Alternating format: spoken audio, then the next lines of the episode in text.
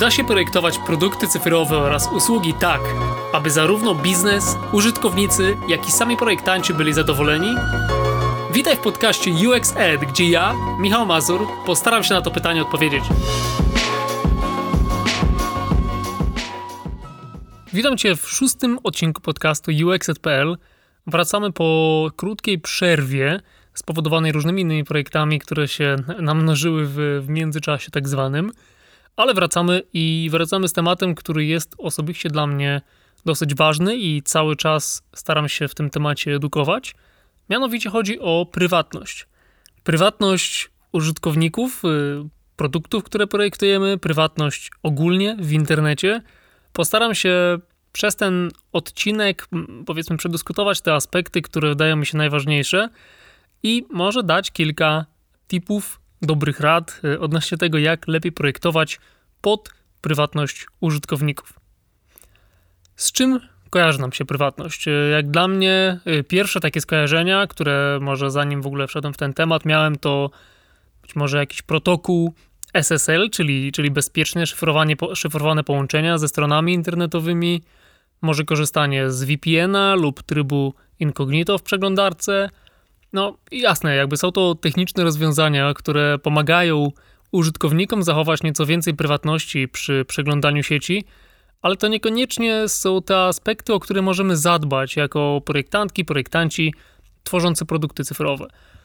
O co, o co możemy zadbać? E, no, chciałbym na ten temat spojrzeć jakby z trzech perspektyw, z trzech e, różnych stron dotyczących prywatności w sieci. Po pierwsze, to ogólna prywatność w sieci i, i cały temat y, zbierania danych, handlowania danymi, tworzeniu całej gospodarki opartej na danych na temat użytkowników, na temat konsumentów. Drugim aspektem jest prywatność w obrębie produktów, które projektujemy.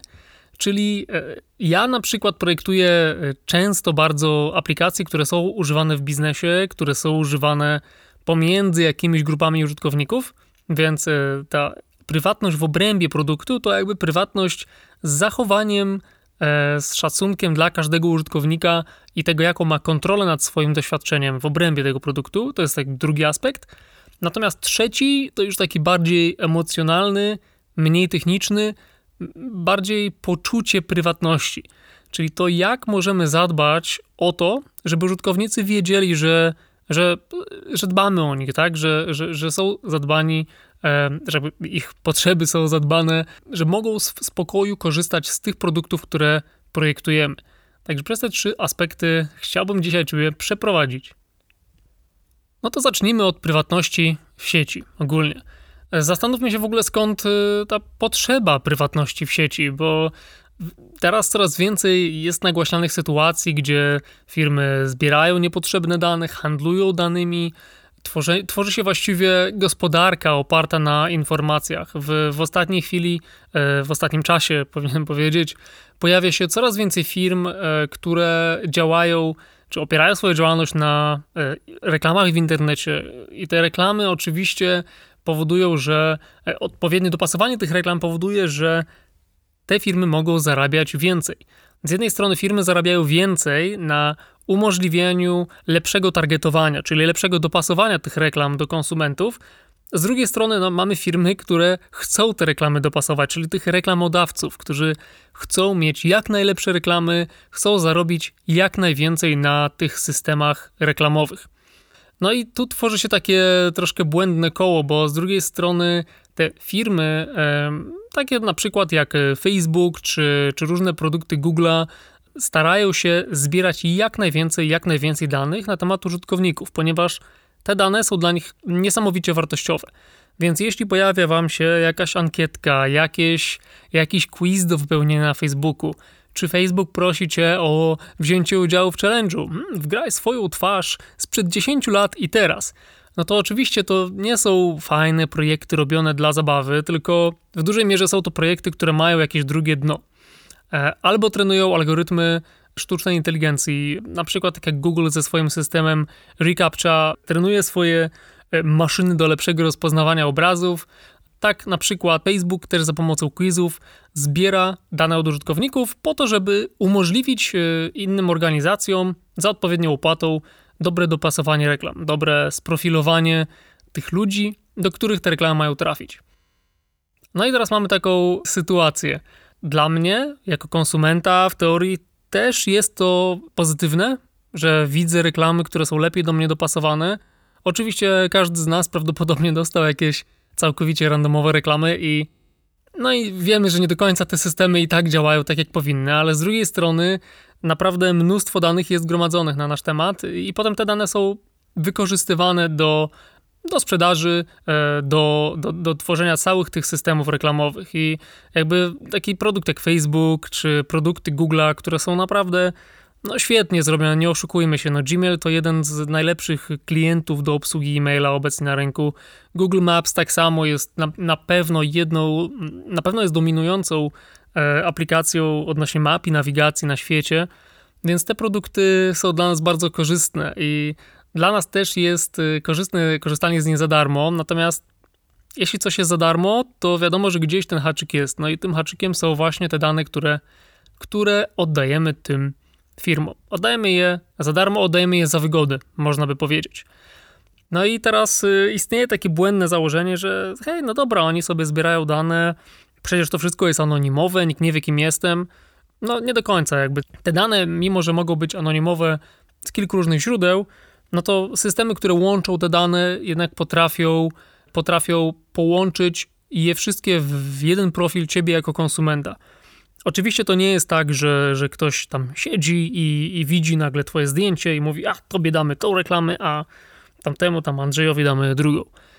No, nie do końca oczywiście, ale jednak te dane lądują w, w tych różnych źródłach i, i, wiemy, że jak coś ląduje w internecie, no to zostaje tam na zawsze. I pytanie, czy my czujemy się z tym komfortowo, czy nie. Bo dane w teorii anonimowe, takie jak IP, czy na przykład ym, tak zwany browser footprint, czyli informacje ogólnie na temat przeglądarki, z której korzystasz, to są dane w teorii anonimowe, a w praktyce są to dane, które potrafią dokładnie ciebie sprofilować jako, jako tą osobę, którą jesteś i w którym miejscu jesteś. Więc nie do końca jest ta anonimowość. Po co o tym mówię? Mówię to przede wszystkim, bo nie wszyscy zdają sobie z tego sprawę, że nie do końca jest to tylko tak, że możemy korzystać z tych e, narzędzi typu Google Analytics, czy Facebook Pixel po to, żeby nam te konwersje rosły i, i, i z tego sobie robimy fajny, fajny biznes, nasze KPIs idą do góry, ale gdzieś tam ten koszt społeczny z boku jest. I to nie jest tak, że prywatność to jest coś, co potrzebują osoby, które mają coś do ukrycia, które ma jakieś tutaj wstydliwe albo nielegalne tematy. To nie są tylko ludzie, którzy się logują do Tora, żeby kupić narkotyki, Prywatność w sieci to powinno być, to powinien być standard, to powinien być taki złoty standard, od którego wychodzimy.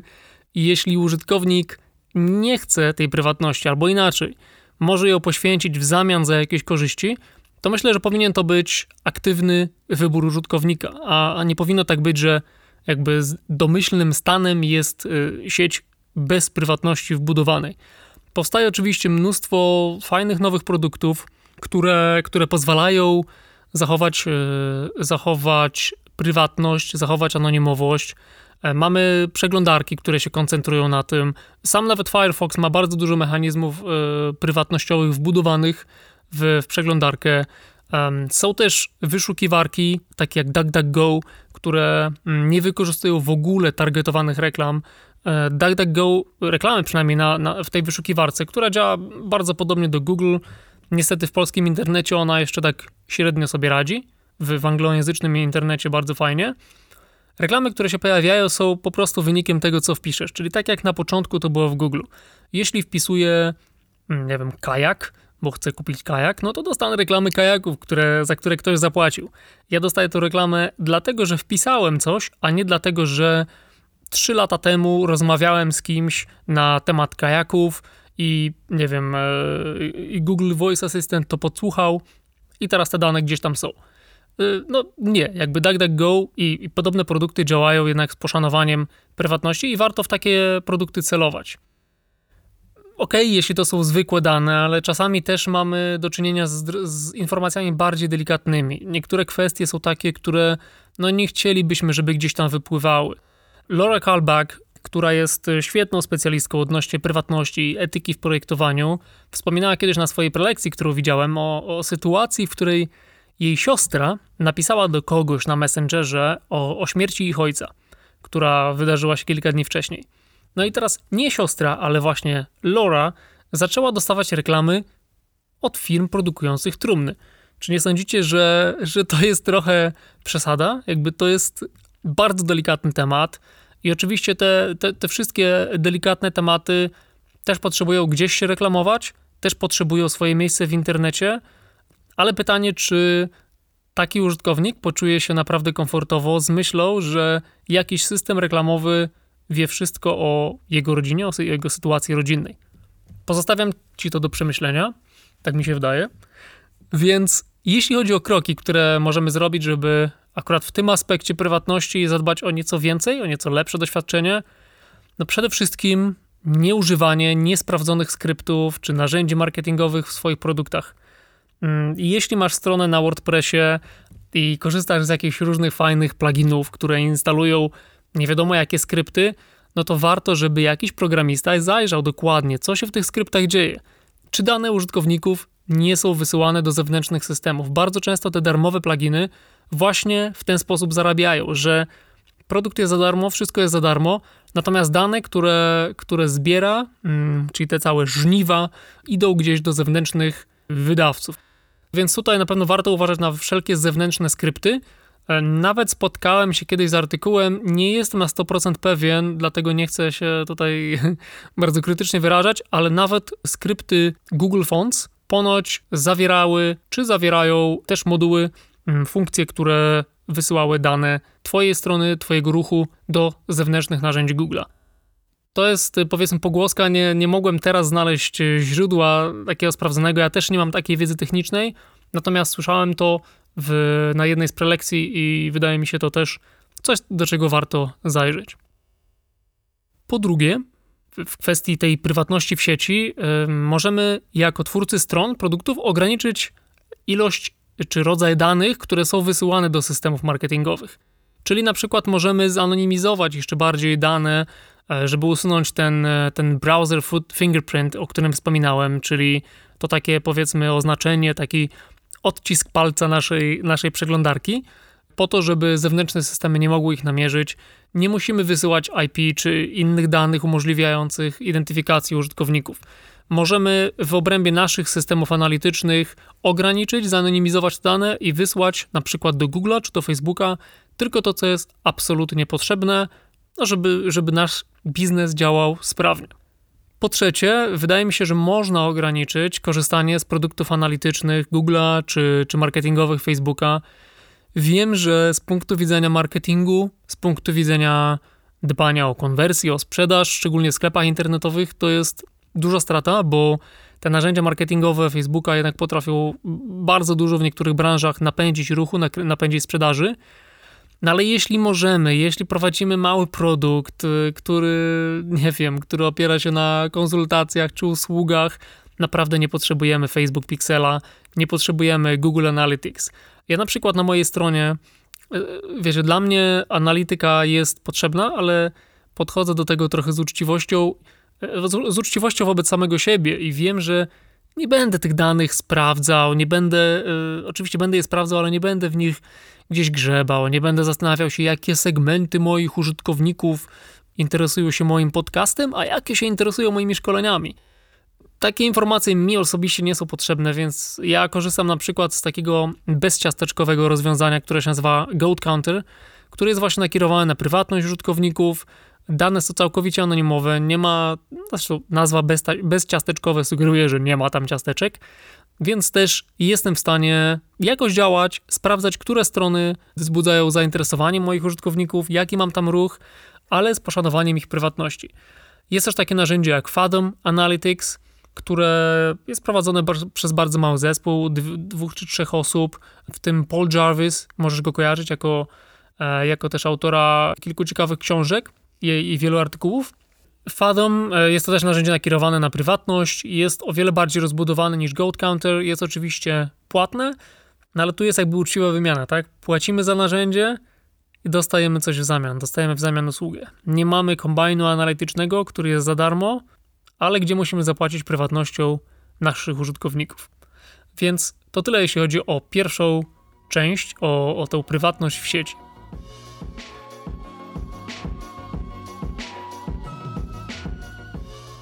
Drugi aspekt to prywatność wewnątrz produktów, czyli już nie mówimy tutaj o wysyłaniu informacji poza produkt, mówimy tutaj o e, anonimowości, o prywatności w obrębie produktów cyfrowych, które, które projektujemy. Na przykład Slack. Być może wiele z Was korzysta ze Slacka do komunikacji w pracy. No i Slack z jednej strony blokuje administratorom możliwość podglądania, czytania prywatnych wiadomości między użytkownikami, czyli administrator, mm, na przykład y, Twój szef, nie jest w stanie przeczytać wiadomości, które Ty wymieniasz z jakąś inną osobą lub w obrębie jakiejś grupy osób. Z drugiej strony, Slack ma też możliwość eksportu wszystkich wiadomości. E, w niektórych bardziej regulowanych branżach, e, w branży finansowej bardzo często, tego typu papierowy ślad jest prawnie narzucony, czyli jakby niektóre firmy są zobowiązane do tego, żeby trzymać dokumentację wewnętrznej komunikacji w firmie. No i teraz, ok, administrator może wyeksportować wszystkie wiadomości ze Slacka, no i wtedy ma dostęp do tych wiadomości. No ale taki szeregowy użytkownik platformy, szeregowy pracownik powinien wiedzieć o tym od początku, żeby nie, no, nie wpaść na minę, można powiedzieć, żeby nie, nie wiem, nie krytykować niektórych osób na Slacku, czy jakieś y, prywatne rozmowy, takie całkowicie prywatne tematy załatwiać jednak poza Slackiem. Zadzwonić do kogoś, spotkać się prywatnie, no bo jeśli jest to poczucie prywatnej wiadomości, no to jednak użytkownik może oczekiwać, że będzie to prywatność. Więc warto pamiętać o sytuacjach, gdzie właśnie te informacje między użytkownikami nie do końca muszą być ujawniane, czy powinny być ujawniane. Ja na przykład teraz pracuję nad produktem, który pomaga firmom zarządzać przez cele, takie średnioterminowe, powiedzmy, kwartalne. No i zderzyłem się z taką sytuacją przy audycie tego narzędzia, że jako użytkownik mogę stworzyć sobie prywatny cel. Tak, czy ja sobie stwierdzam, ok, moim celem jest zakupienie tostera do domu. No i okej, okay, jakby ja mogę sobie chcieć z, z narzędzia profesjonalnego korzystać do takich celów domowych też. Powiedzmy tak, mam system, mogę z niego korzystać. No i teraz, jeśli ja w tej aplikacji konkretnej stworzyłem sobie taki cel, no to aplikacja, mimo że pokazała mi kłódeczkę, ikonę kłódeczki, pokazała mi, że to jest cel prywatny, no to jednak nie powiedziała mi, że dostęp do tego celu i możliwość edycji ma też mój przełożony bezpośredni oraz administrator HR. No w takim wypadku nie jest to chyba cel prywatny, tak? Tylko jest to cel otwarty, semi-publiczny. Nie wiem jak, jak to nazwać, no ale na pewno nie jest to prywatny. Więc w moim redesignie tej funkcji, nad którym obecnie pracuję, no przy tej funkcji musiałem transparentnie wszystko pokazać, bo niestety nie, nie udało mi się przeforsować funkcji, gdzie całkowicie prywatne cele mogły być tworzone. Natomiast jeśli takiej możliwości nie ma, no to musimy użytkownikowi jasno, transparentnie powiedzieć, że tej prywatności w tej sytuacji nie ma. Więc jeśli masz produkt, którym użytkownik może tworzyć obiekty wszelkiego rodzaju, czyli jakieś, jakieś posty, artykuły, nie wiem, cele, notatki, które mogą być widoczne innym, no to funkcje prywatności powinny być dostępne. Jeśli nie będą, ograniczamy ten naprawdę bardzo ważny aspekt poruszania się w sieci, nawet w obrębie jakby swojej organizacji przy, przy produktach B2B. Także warto pamiętać o, o tej prywatności. E, jeśli chodzi o samo bezpieczeństwo tego wszystkiego i, e, i już sam aspekt e, prywatności pod kątem tego, żeby nikt nie dostał się do mojego, do mojego konta przy aplikacji, czy to w jakiejś konsumenckiej, czy, czy biznesowej, no to też y, jeszcze chciałem wspomnieć o sytuacjach, gdzie strony czy produkty mają bardzo wygórowane wymagania co do haseł. Czyli mamy na przykład hasło, gdzie musisz mieć um, dwa znaki specjalne, dwie liczby, co najmniej 10 znaków ogólnie w haśle i tak dalej, i tak dalej. No dobra, y, ok, jest to bezpieczne. Im bardziej skomplikowane hasło, tym trudniej jest je złamać mm, metodami takimi tradycyjnymi.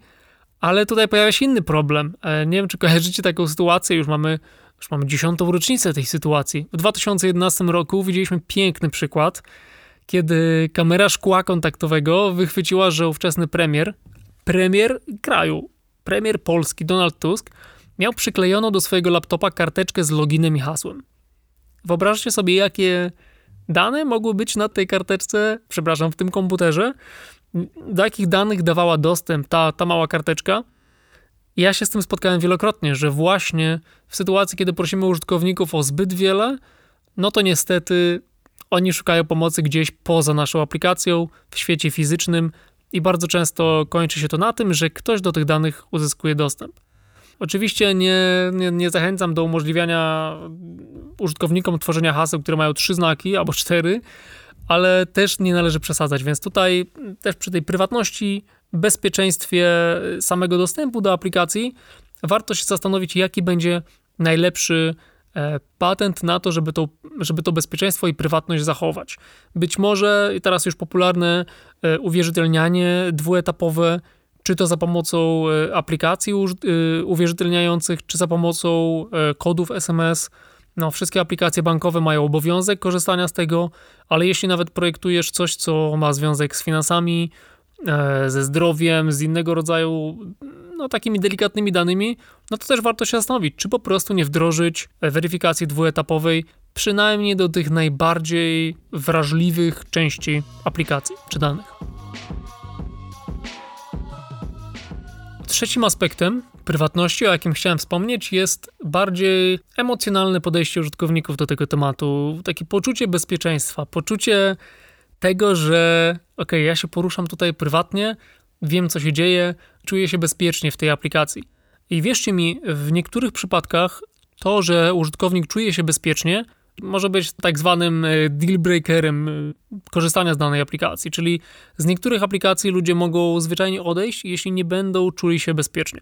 Mogą to być aplikacje związane z wysyłaniem wiadomości, jakieś komunikatory, mogą to być sklepy internetowe, mogą to być jakieś aplikacje medyczne. Jeśli użytkownik nie będzie czuł się komfortowo i bezpiecznie, no to może uciec do konkurencji, która mu to zapewni.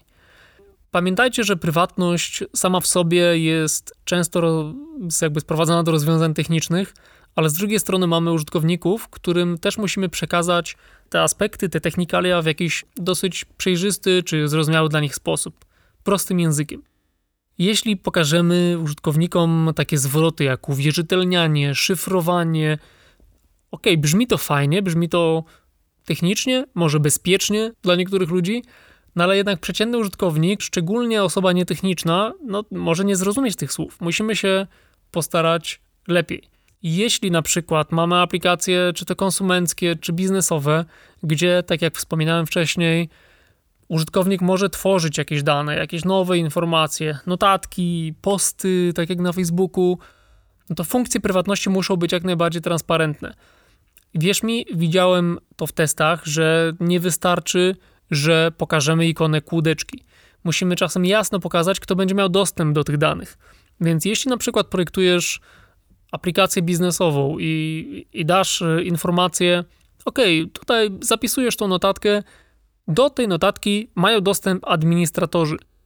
No to samo słowo mają dostęp administratorzy powoduje, że użytkownik może być nieco skonfudowany jednak nie wiedzieć, kim ci administratorzy właściwie są. Czy to są administratorzy u mnie w firmie, czy administratorzy gdzieś po stronie tej, tej aplikacji. No, warto wtedy wypisać jasno. Taka i taka osoba, słuchajcie, nawet z imienia i nazwiska. Andrzej, Bożena, Grażyna mają dostęp do tej notatki. I wtedy użytkownik ma jasno postawione, na ile prywatne jest to, co tworzy. Więc to jest ta transparentność, o której mówię. Jeśli jest możliwość całkowitej prywatności i tworzenia czegoś, co jest tylko dostępne dla mnie, no to też warto to w jasny sposób powiedzieć, tylko ty widzisz tego posta, tą notatkę. Miałem też sytuację w produkcie, który, który projektowałem e, kilka lat temu. To był produkt medyczny, który umożliwiał m.in. kontaktowanie się między pacjentami, pacjentkami, a zespołem medycznym. No i na początku, w pierwszej wersji tej aplikacji, wszystkie wiadomości były publiczne, Chwilkę potem wdrożyliśmy y, wiadomości prywatne, czyli albo można było napisać wiadomość, do której dostęp miał cały zespół medyczny, bo tam każdy pacjent miał swój zespół. E, to było leczenie otyłości, które wymaga jakby takiego holistycznego podejścia, więc tam było 5-6 osób, które miały dostęp do Twoich danych jako pacjenta. No i teraz publiczna wiadomość oznaczała, że te 5 czy 6 osób miało dostęp do tej wiadomości i mogło odpisać. Więc to była publiczna wiadomość. Z drugiej strony była prywatna wiadomość, czyli napisana tylko do jednej osoby z zapewnieniem użytkownika, że tylko ta jedna osoba zobaczy tą wiadomość, inne nie będą miały do niego, e, do niej dostępu. I rzeczywiście tak było. E, nikt nie miał dostępu do tego, łącznie z, z administratorami platformy, tym bardziej z administratorami tej aplikacji. No ale okazało się to niewystarczające i w następnej iteracji musieliśmy dać użytkownikom możliwość jasnego procesowania, kto będzie odbiorcą wiadomości, ponieważ prywatność, całkowita prywatność versus całkowita otwartość treści też czasami jest niewystarczająca. Czasami powinniśmy dać użytkownikowi możliwość doprecyzowania tego poziomu prywatności, którego oczekują. I to widzimy na przykład też w takich narzędziach jak Google Drive, gdzie musimy, szczególnie jeśli korzystacie z wersji biznesowej, no to bardzo precyzyjnie wskazać, kto ma dostęp do tego dokumentu. Czy wszyscy w mojej organizacji, czy tylko wybrane osoby w mojej organizacji. Jeśli zapraszamy kogoś spoza organizacji, to dostajemy też e, jeszcze ostrzeżenie: hej, zaraz y, podzielisz się tym dokumentem z kimś, z kimś spoza Twojej organizacji, spoza Twojej domeny mailowej, czy na pewno chcesz to zrobić. No i takie zabezpieczenia są rzeczywiście przydatne, są, są odpowiednie. Jeśli chodzi o samo komunikowanie tej prywatności, to też zależy na jaki rynek się projektuje tą aplikację, bo na przykład w Norwegii są prawnie jasno określone progi zabezpieczeń danych w sieci. Więc jeśli mamy na przykład poziom pierwszy, jest to najniższy poziom zabezpieczeń.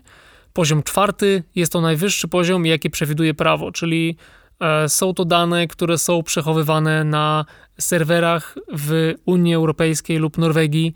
Są to dane, które są zaszyfrowane e, po, jakby po, po obu stronach, end-to-end. E, są to dane, które są anonimizowane i nikt nie ma do nich dostępu. Jakby to są jasne rzeczy sprecyzowane w prawie i w Polsce nie jestem pewien, ale wydaje mi się, że nie mamy tego typu regulacji jeszcze.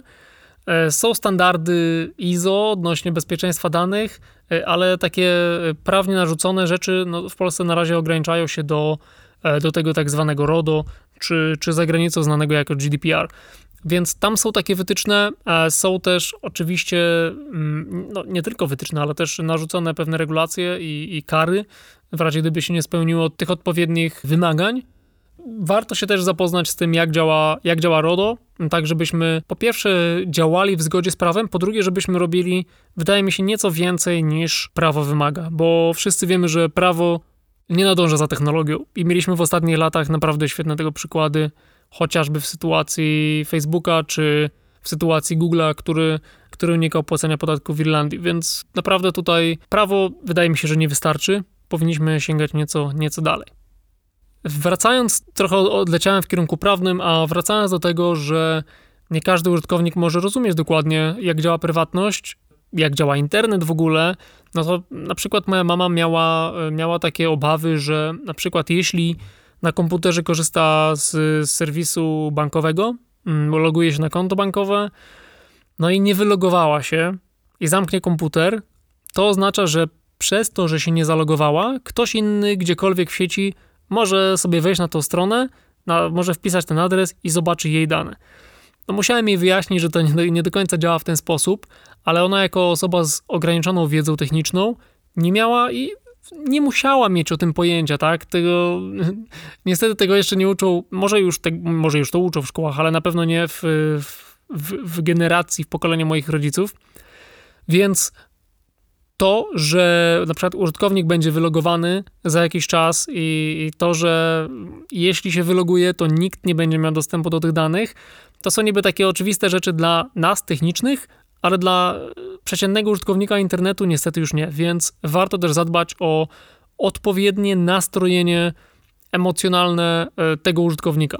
Wszędzie, gdzie się da, zapewniajmy użytkowników, że to, co robią, jest prywatne, że mogą się wylogować, że ich dane są szyfrowane, wytłumaczyć, co to znaczy szyfrowanie, mm, zadbać o to, żeby użytkownicy nie tylko byli bezpieczni, ale też czuli się bezpieczni.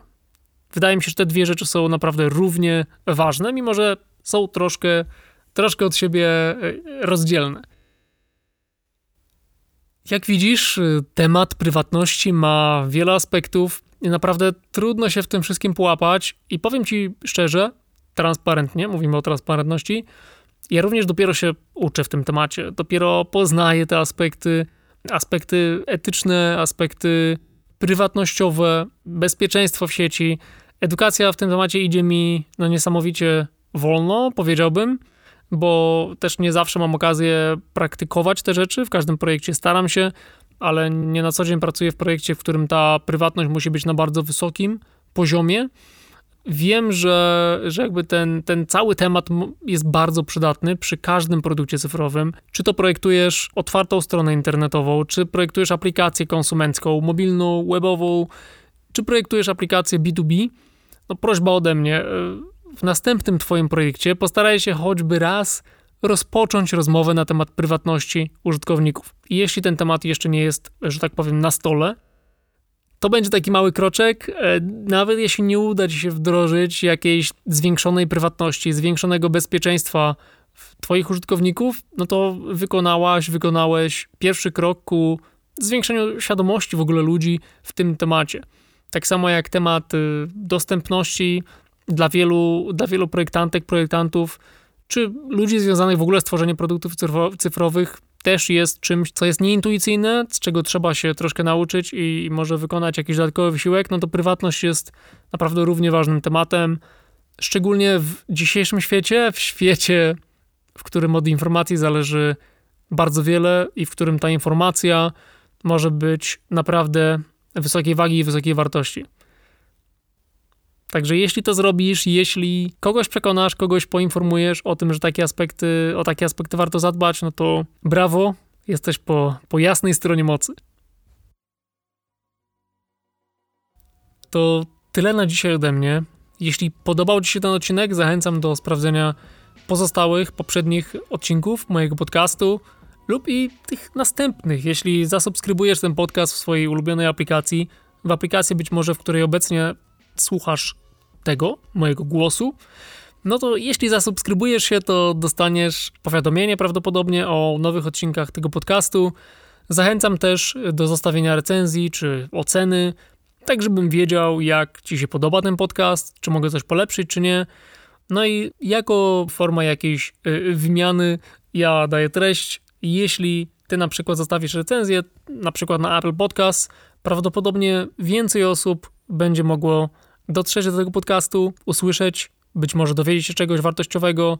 Dlatego będzie to przydatne nie tylko dla mnie, ale też dla wszystkich osób, które potencjalnie mogą skorzystać z moich treści. Także będę bardzo wdzięczny, bardzo szczęśliwy, jeśli również zostawisz recenzję lub ocenę tego podcastu.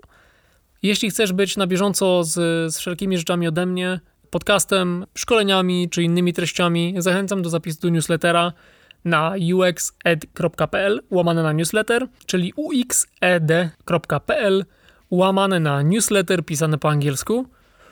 Na koniec jeszcze dodam, że ten odcinek był sponsorowany przez mój kurs na Skillshare na temat y, metody Design Studio. Jest to krótki, godzinny kurs wideo na platformie Skillshare, tak jak mówiłem, który się nazywa Brainstorm Better with the Design Studio Method. Sprawdź, jest to kurs na temat efektywnego brainstormingu, Mm, skilla, umiejętności, która, która na pewno bardzo się przyda w praktyce UX-owej, jeśli pracujesz właściwie w jakikolwiek sposób z pomysłami kreatywnymi i chcesz je generować w nieco lepszy, bardziej efektywny sposób razem z innymi ludźmi. Jeśli chcesz zobaczyć kurs, to zapraszam na uxed.pl łamany na skill, czyli uxed.pl łamany na skill, S-K-I-L-L, tak jak umiejętność po angielsku. To tyle na dzisiaj. Dziękuję bardzo, że, że jesteś ze mną, że słuchałaś, słuchałeś tego odcinka. Do usłyszenia w następnym.